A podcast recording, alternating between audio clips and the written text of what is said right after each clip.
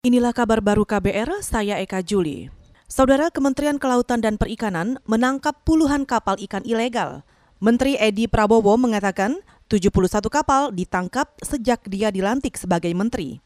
Edi juga menegaskan komitmennya untuk memberantas penangkapan ikan ilegal di kawasan perairan nasional.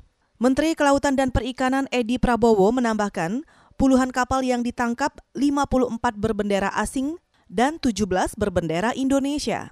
Sebanyak 27 kapal berbendera Vietnam, 14 Filipina, dan 12 Malaysia. Saudara pakar perburuhan Universitas Trisakti, Andari Yuri Kosari, mendorong para pekerja berpenghasilan di bawah 5 juta rupiah per bulan untuk segera mendaftarkan diri ke BPJS Ketenagakerjaan untuk mendapat bantuan langsung tunai atau BLT.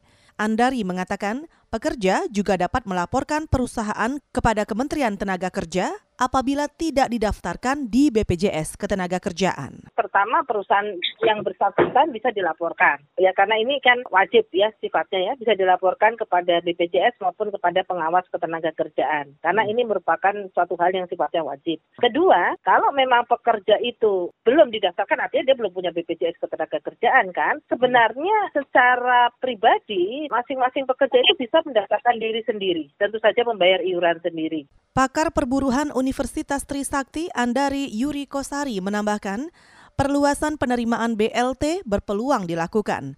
Namun menurut dia, pemerintah tidak akan berani mengambil resiko terkait hal tersebut. Hari ini rencananya Presiden akan meluncurkan program subsidi gaji bagi pekerja bergaji di bawah 5 juta rupiah. Bantuan tunai yang diberikan total berjumlah 2,4 juta rupiah. Kita ke mancanegara.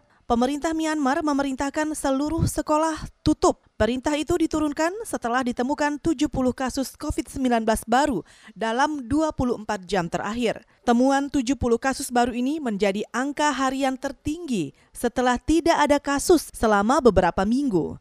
Mayoritas kasus baru yang diumumkan kemarin ditemukan di Rakhine. Pasien positif yang ada di Rakhine ditemukan di sembilan lokasi berbeda. Kasus positif baru ini terhubung dengan klaster penularan di Situi, ibu kota negara bagian Rakhine. Pemerintah minggu lalu sudah memperlakukan karantina dan jam malam di kota tersebut. Total kasus di Myanmar saat ini mencapai lebih 570 orang dengan enam di antaranya meninggal. Saudara, demikian kabar baru. Saya Eka Juli.